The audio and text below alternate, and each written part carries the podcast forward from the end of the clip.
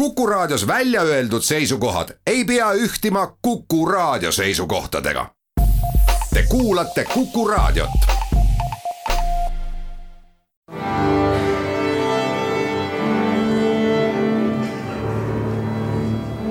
daamid ja härrad, Eesti Kontserdi saade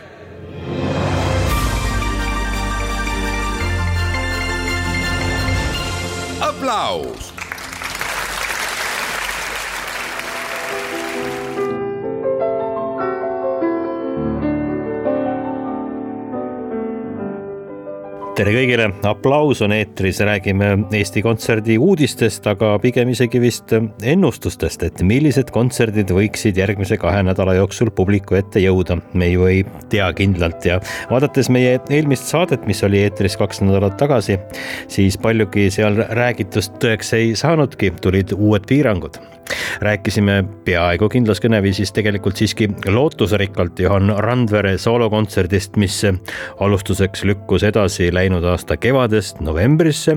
ei toimunud ka novembris ja oleks pidanud Tallinnas toimuma üheksateistkümnendal jaanuaril. nagu kõik nüüdseks juba teame, pikenesid kontsertidele seatud piirangud Ida-Virumaal ja Harjumaal kuni esimese veebruarini ning nüüd oleme taas kord lootust täis, et see kontsert jõuab publikuni lõppude lõpuks teisipäeval teisel veebruaril. taaskord me pole selles kindlad, kuid juhuks, kui Terviseameti poolt ei tule pikenevaid piiranguid, on meil selline plaan. Johanna Randvere teisel veebruaril Estonia kontserdisaalis. loomulikult me saame aru, et sellised piirangud on ju meie kõigi tervise huvides. aga nende pikenenud piirangutega seoses on meil veel uudiseid ja teateid tänavune Mustonen Fest jääb ära sellisel kujul, nagu me seda eelnevalt plaanisime. piletid ostetakse tagasi ning osa kontserte toimub egiidi all Mustonen Fest esitleb veel selle kevade jooksul. kel juba piletid ostetud, siis teadmiseks, et ära jäävad järgmised Mustonen Festi kontserdid. Eesti Filharmoonia Kammerkoor ja Hortus Muusikuse ühine kontsert, mis oleks pidanud toimuma täna Mustpeade majas. Läti õigeusu kiriku meeskoori Logos ja Hortus Muusikuse kontsert Ave Maria ei toimu ülehomme kahekümne kaheksandal jaanuaril. Ukraina pianisti Aleksei Botvinovi ja VJ Videomatixi visuaalkontsert Nägemuslik klaver ei toimu kolmekümnendal jaanuaril Tallinna Reaalkoolis ja The Harp Consorti kontsert kolmekümne esimesel jaanuaril Mustpeade majas. Mustonen Festi esitlusel ja vastavalt praegustele piirangutele toimuvad kolm kontserti. eile oli Archest kvartett Tartus, kus kõrvuti kvartetiga musitseerisid ka Heino Elleri muusikakooli õpilased.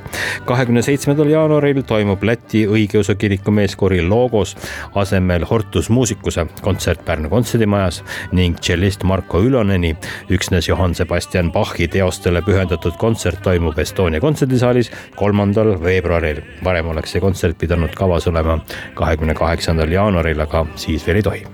Johan Randvere, nagu mainitud, tuleb oma soolokontserti sooritama nüüd siis, loeme kokku, neljandal katsel, teisel veebruaril Estonia kontserdisaalis varem välja kuulutatud üheksa üheksateistkümnenda jaanuari asemel ja klassikatähtede sarjas Tähele Liiv ning Karl Tipp esinevad neljandal veebruaril Tallinnas Kadrioru lossis ning kahekümnendal veebruaril Mäetaguse mõisas. varem olid need kontsertide kuupäevad planeeritud kahekümne kolmandal ja kahekümne neljandal jaanuaril.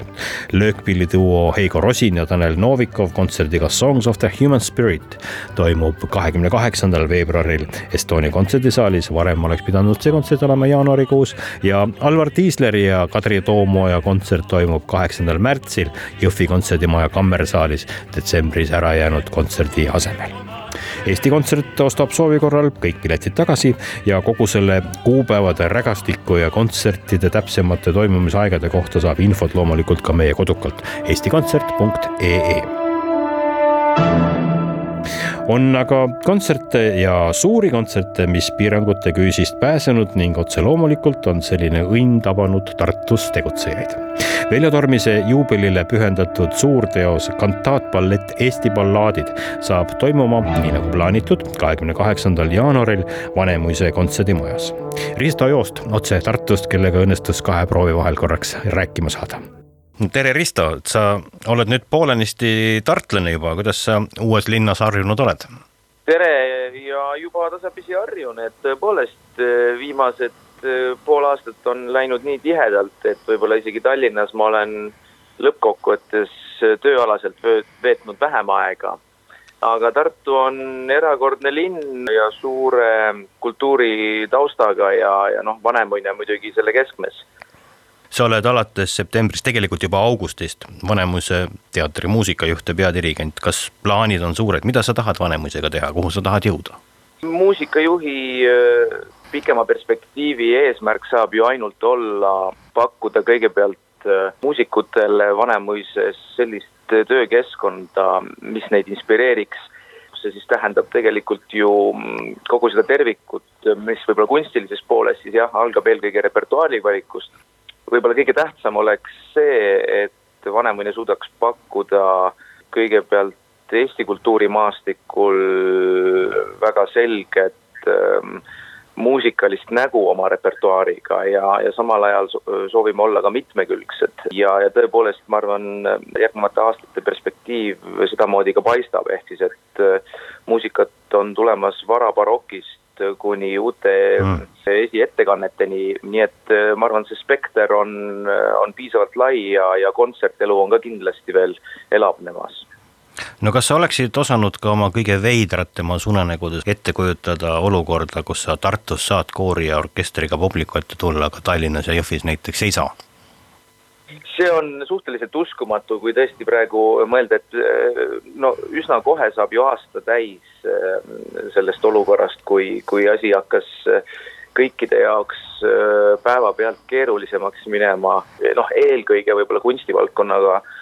Loomulikult ütleme, sellised suuremad institutsioonid on siin võib-olla eelisseisus, sellepärast et see selline riiklik toetus ja, ja strukturaalne lähenemine tagab nii jätkusuutlikkuse, ka ellujäämise, eks ole aga puhtkunstiliselt see on olnud, ma arvan, kõigile väga keeruline aasta, aga Vanemuine selles kontekstis on saanud ikkagi väga hästi hakkama, et ja nüüd, kui rääkida koori ja orkestri kontekstis, siis nüüd küll me oleme kahjuks pidanud loobuma kohe-kohe tuleva Eesti ballaadide ettekande koosseisus Tartu Ülikooli kammerkoorist, millest on ja, äärmiselt kahju. Ja me peame saama hakkama omade jõududega, aga antud Äh, kontekstis on võib-olla paslik öelda, et, et noh, et see, et me seda üldse teha saame, on juba suur õnn.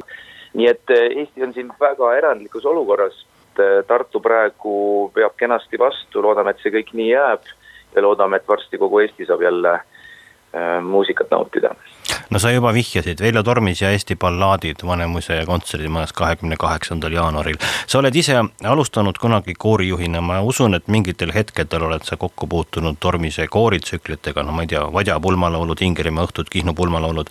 milline äratundmine või üllatus sind tabas nüüd Eesti ballaadidega kokku puutudes, et see on täiesti teistsugune maailm? Jaa, ma olen Veljo Tormisega äh, lähedalt kokku puutunud äh, tema muusikapartituuri, äh, partituure vaadates kui ka teda proovidesse kutsudes ja kon-, kontsertidele ja, ja vesteldes temaga tema muusikast ja teinud seda tõesti nii dirigendi kui lauljana ja loomulikult ma olen ka olnud nendel ettekannetel, mida Tõnu Kaljuste selle teosega on ju teinud ja, ja kui ma ei eksi, siis ta on olnud ka ainult, ainukene dirigent siiamaani, kes seda teost üldse on dirigeerinud.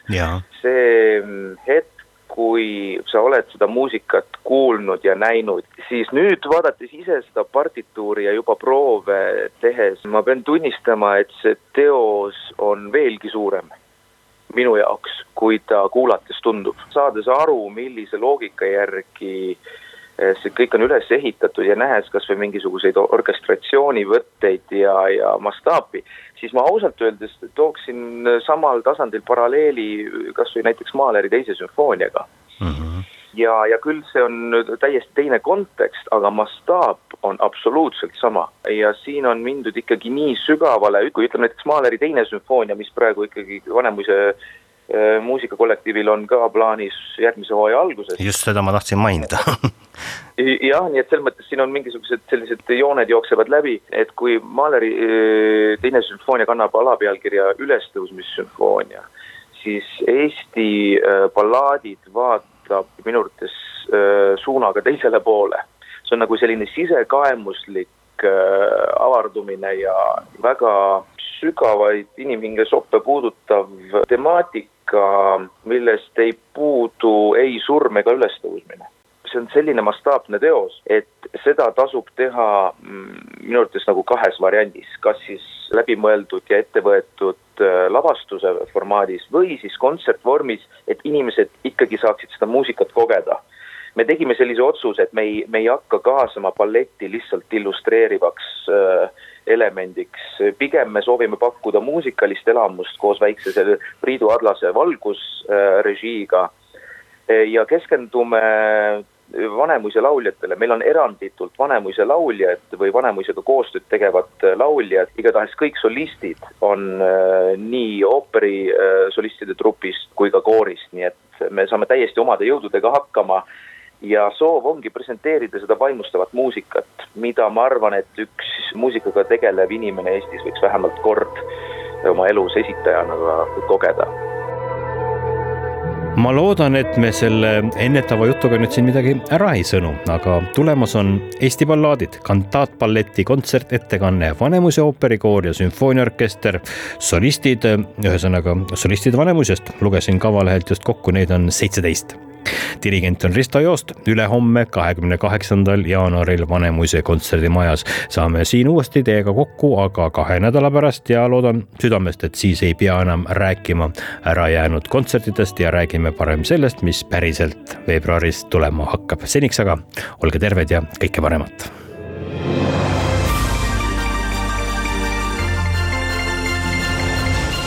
aplaus